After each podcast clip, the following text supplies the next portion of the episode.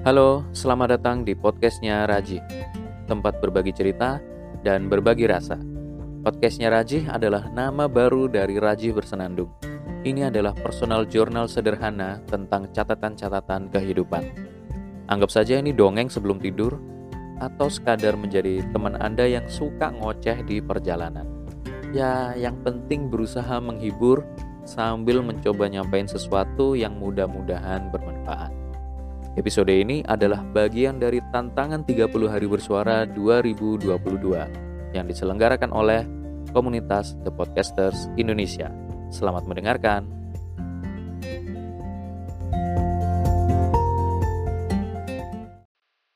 Pendengar yang budiman, Anda pasti sering mendengar kata oknum dari berita-berita yang beredar. Entah kenapa, mungkin saya sendiri yang merasa, atau Anda juga, kata-kata oknum kian sering terdengar di beberapa tahun terakhir, terlebih di kasus-kasus kriminal yang dilakukan oleh para pejabat negara, dan juga dari institusi penegak hukum mungkin ya, atau institusi-institusi lain yang punya presis tinggi, dan juga harusnya punya nilai kepercayaan tinggi dari masyarakat. Kata oknum ini muncul sebagai bentuk pembelaan diri lembaga dari tingkah pola para anggotanya yang nyeleneh dan menjadi kriminal Misal ada pejabat pemerintah di kementerian tertentu yang melakukan tindak pidana korupsi, kemudian dia ditangkap, maka mekanisme penyelamatan nama baik institusi tersebut adalah dengan menyebut ini adalah perbuatan oknum pejabat. Sehingga sebagian masyarakat yang mungkin berpikiran bahwa pejabat memang korup, jadi berpikir ulang. Berpikir lagi dan mempertimbangkan untuk menarik apa yang mereka asumsikan. Intinya, dengan kata oknum ini, masyarakat jadi mikir, oh, ternyata yang korup memang orang-orang tertentu aja, nggak semua pejabat. Padahal realitanya, ya masih belum tentu. Bisa jadi memang begitu, bisa jadi juga sebenarnya semua korup, tapi nggak ketahuan aja. Yang ketahuan ya lagi apa saja, atau mungkin bukan apes, tapi ada kesepakatan terselubung. Terselubungnya adalah di antara mereka saja, di mana dia sengaja dijadikan tumbal untuk tertangkap, biar yang lainnya aman. Yang penting, nanti setelah bebas ada keuntungan yang bisa dibagi. Wow, wow, wow. Mulai liar ini imajinasi saya. Oke. Ada lagi kasus tentang pelecehan seksual di salah satu lembaga independen yang setingkat lembaga negara. Pernah dengar lah ya kita. Atau mungkin kasus narkoba di lembaga penegak hukum. Tentu kita sering dengar, Nah, hal yang seperti ini tentu akan menggunakan mekanisme pembelaan diri yang sama, yaitu dengan menggunakan kata oknum. Hanya oknum tertentu dari lembaga kami yang melakukan pelecehan seksual, atau hanya oknum tertentu di lembaga kami yang memiliki keterlibatan dengan narkoba.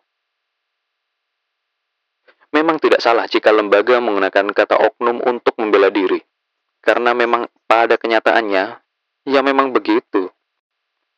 Yang bermasalah hanya orang-orang tertentu saja, tidak semuanya. Tapi hal ini nampaknya semacam dipakai sembarangan oleh kebanyakan institusi. Asal menyampaikan ke publik kalau ini perilaku oknum, aman sudah. Padahal ya nggak semudah itu. Masyarakat kita ini kan tidak semudah itu dikelabui dengan topeng oknum itu tadi. Dan yang diharapkan masyarakat juga bukan berarti lembaga menganggap ini masalah sepele dengan sekadar mengatakan ini adalah perbuatan oknum. Harusnya lembaga melakukan evaluasi diri juga dan mengusut tuntas kasus di dalam dirinya. Artinya, hanya sekadar mengatakan, oh ini perbuatan oknum, itu tidak cukup. Masalah belum selesai. Maka, dengan evaluasi, penyakit-penyakit yang tersembunyi akan muncul dan harus dibasmi dengan segera. Ini demi menjaga nama baik dan demi mengembalikan kepercayaan masyarakat. Jadi nggak sekedar ngomong ke publik, oh ini ulah oknum. Kalau kebiasaan kayak gini diteruskan, akar permasalahannya tidak akan tercerabut, dan masalah akan lahir terus-menerus dari waktu ke waktu. Lalu bagaimana dengan kepercayaan masyarakat? Itu adalah tanda tanya besar. Yang jelas, yang bisa kita lihat kepercayaan masyarakat pada institusi-institusi tersebut akan semakin menurun. Lalu, permasalahan-permasalahan akan selalu muncul dan muncul dan tidak akan habisnya. Sekian, terima kasih.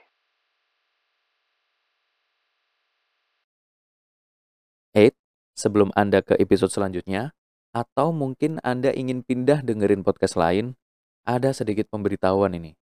Apabila Anda merasa terhibur dengan konten yang saya buat, Anda bisa banget memberikan apresiasi dalam bentuk traktir ngopi melalui karyakarsa.com slash raji bersenandung atau karyakarsa.com slash raji. Atau bisa juga di socialbus.com slash rajiaraki slash stripe. Terima kasih.